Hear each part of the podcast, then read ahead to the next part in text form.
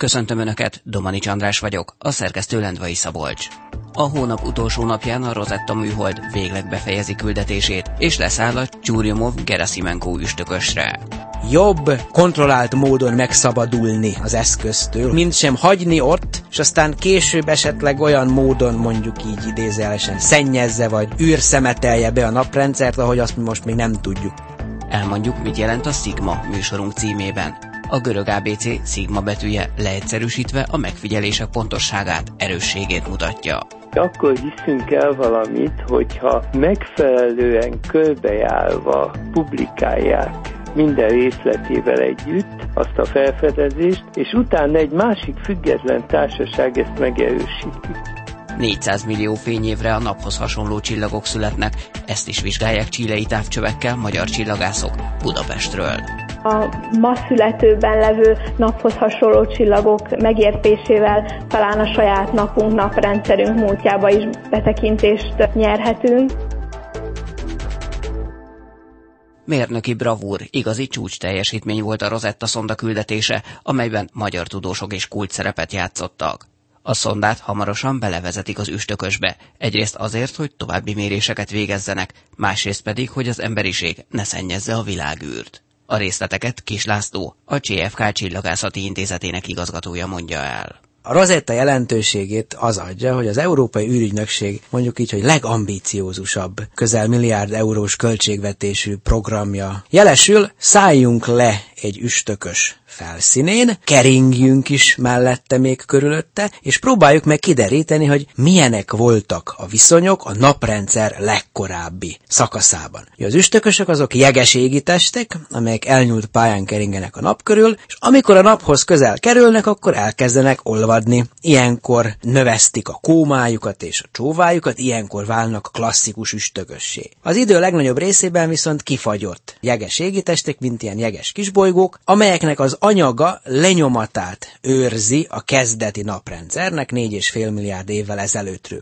Tehát ezek a vizsgálatok, a üstökös felszíni anyag összetételének vizsgálatai, közvetlen közelül az aktivitás vizsgálata mind arról árulkodik, hogy milyen folyamatok működtek akkor, amikor a mi földünk is létrejött a víz a földön, amelynek egy jó része üstökösök becsapódásaiból származik, szintén kozmikus eredetűnek tekinthető, és a Rosetta vizsgálatai ehhez is hozzájárultak, hogy a naprendszerben a víz útja a bolygótestek között milyen volt. Nem mellesleg pedig a Rosettának a jelentőségét az is megadja egy mérnöki bravúr. Nem mellesleg pedig ugye a magyar részvételen keresztül a magyar űrtevékenységnek is a sikere, amelyet 2015 tavaszán ugye a magyar állam is elismert három megosztott Széchenyi díjas kitüntet vezetéssel. Mit tettek hozzá a magyar tudósok a rozettához?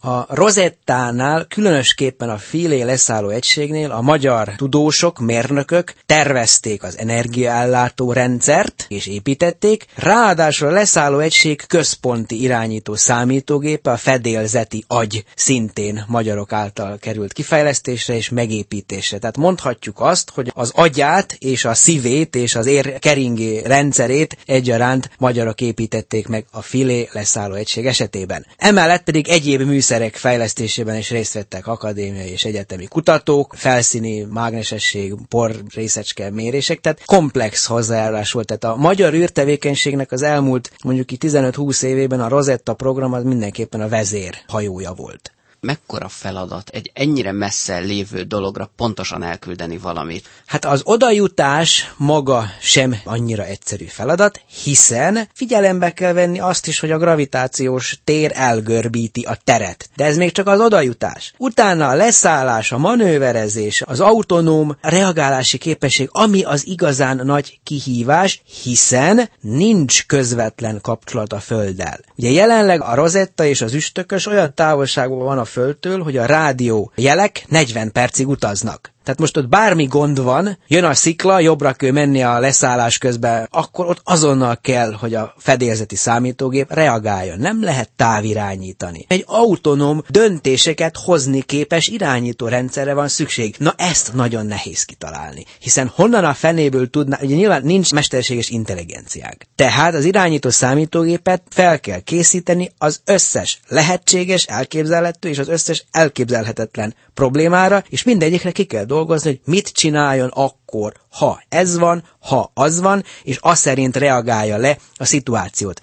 Ez az, ami nagyon nehéz. A Rosetta űrszonda egy idő után leszáll. Miért nem hagyják az űrben? 2016. szeptember 30-án magyar idő szerint kb. dél fél egy környékén fog leszállni az üstökösmag felszínére. Ugye az űr eszközöknek véges futamidejük van. Attól még, hogy ők működnek, nem biztos, hogy egy idő után tényleg annyi új dolgot képesek hozzátenni, másrészt elfogy hozzá a költségvetés, akkor annantól kezdve le kell zárni. Jobb, kontrollált módon megszabadulni, úgymond idézőjelben az eszköztől, mint sem hagyni ott, és aztán később esetleg olyan módon mondjuk így idézőjelesen szennyezze, vagy űrszemetelje be a naprendszert, ahogy azt mi most még nem tudjuk, hogy hogyan lehetne. Ugye a Jupiter környékén is ugye a Galileo szondának bele kellett szállnia, mert hogy ne szennyezze össze a Jupiter holdakat még véletlenül se földi származású akármivel. És ennek volt máshol is már példa. Ilyen értelemben ez egy nagyon szép technikai kísérlet, záró kísérlet, le tudunk-e szállni az egyébként leszállásra nem tervezett keringőegységgel.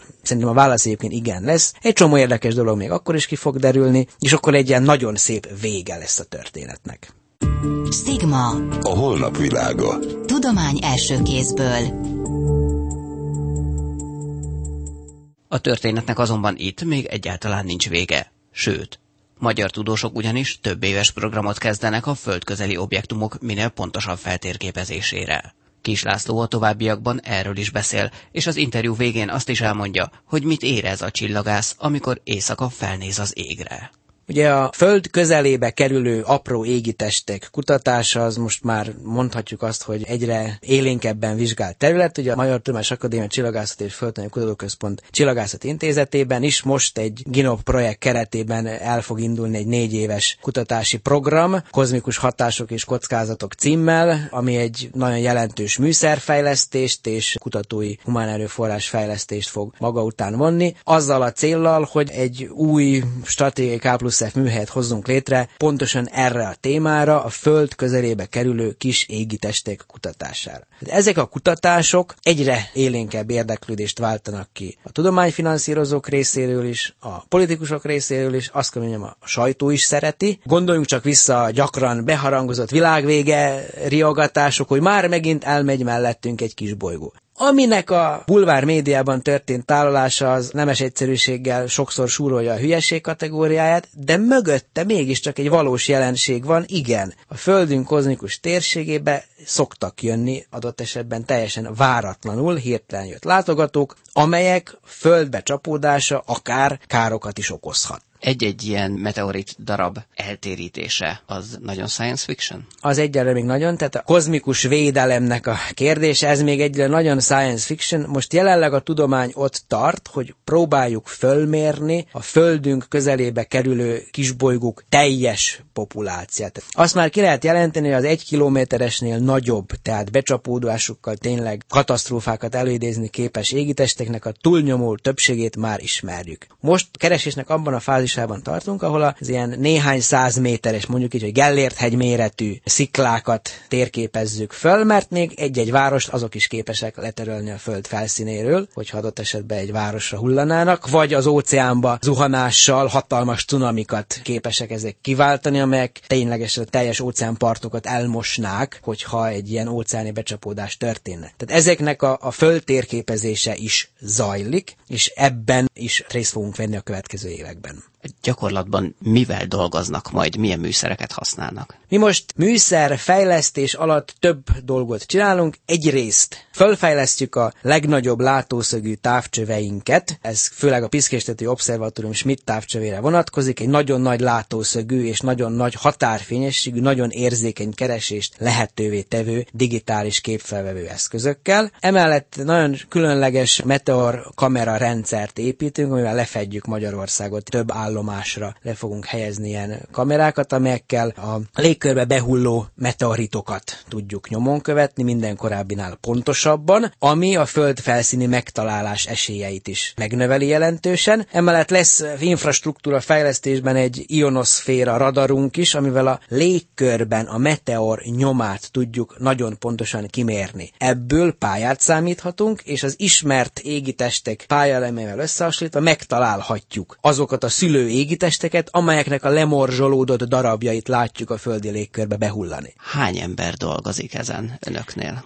Ezen a projekten körülbelül 20-25 ember fog dolgozni, tehát egy igen nagy kutatócsoport fog megalakulni. Meghirdetünk posztdoktori kutatói állásokat, doktoranduszi állásokat. Emellett a fejlesztésekhez kutatásfejlesztési mérnöki feladatokat ellátni képes műszaki személyzetet is fölveszünk, illetve hát alkalmazni fogunk. Mennyire világszínvonalú a magyar csillagászati kutatócsapat? Én azt gondolom, hogy a magyar csillagászat nagyon sokat fejlődött az elmúlt egy-két évtizedben sikeresen be tudtunk kapcsolódni olyan nagy nemzetközi együttműködésekbe, amelyben mára ténylegesen kimagaslóan jó szerepet tudunk játszani. Az infravörös űrcsillagászatban a magyar részvétel az a, mondjuk a Herschel űrtávcsőben kimondottan jelentős volt, de mondjuk a Kepler űrtávcső, vagy a folytatása a K2 misszió során is vannak olyan kutatási területek, amelyekben mi vezetjük a, a nemzetközi mezőnyt. A végére egy kicsit személyesebb kérdést engedjen meg, hogyha este felnéz az égre, és látja a csillagokat, mást lát, mint amit mi látunk? Persze, én a csillagképeket látom egyrészt, másrészt meg nekem a szakmai múltam olyan, hogy elég sokat publikáltam fényes csillagokról, amik szabad szemmel is látszanak, és akkor fölnézek, jó, arról megmértük ezt, arról a csillagról, azt fedeztem föl, vagy azt mutattam ki, ezt mértenek, tehát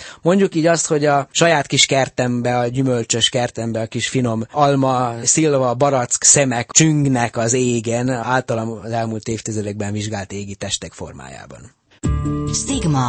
A holnap világa. Tudomány első kézből. Most hírek következnek, utána folytatódik a Sigma, a holnap világa.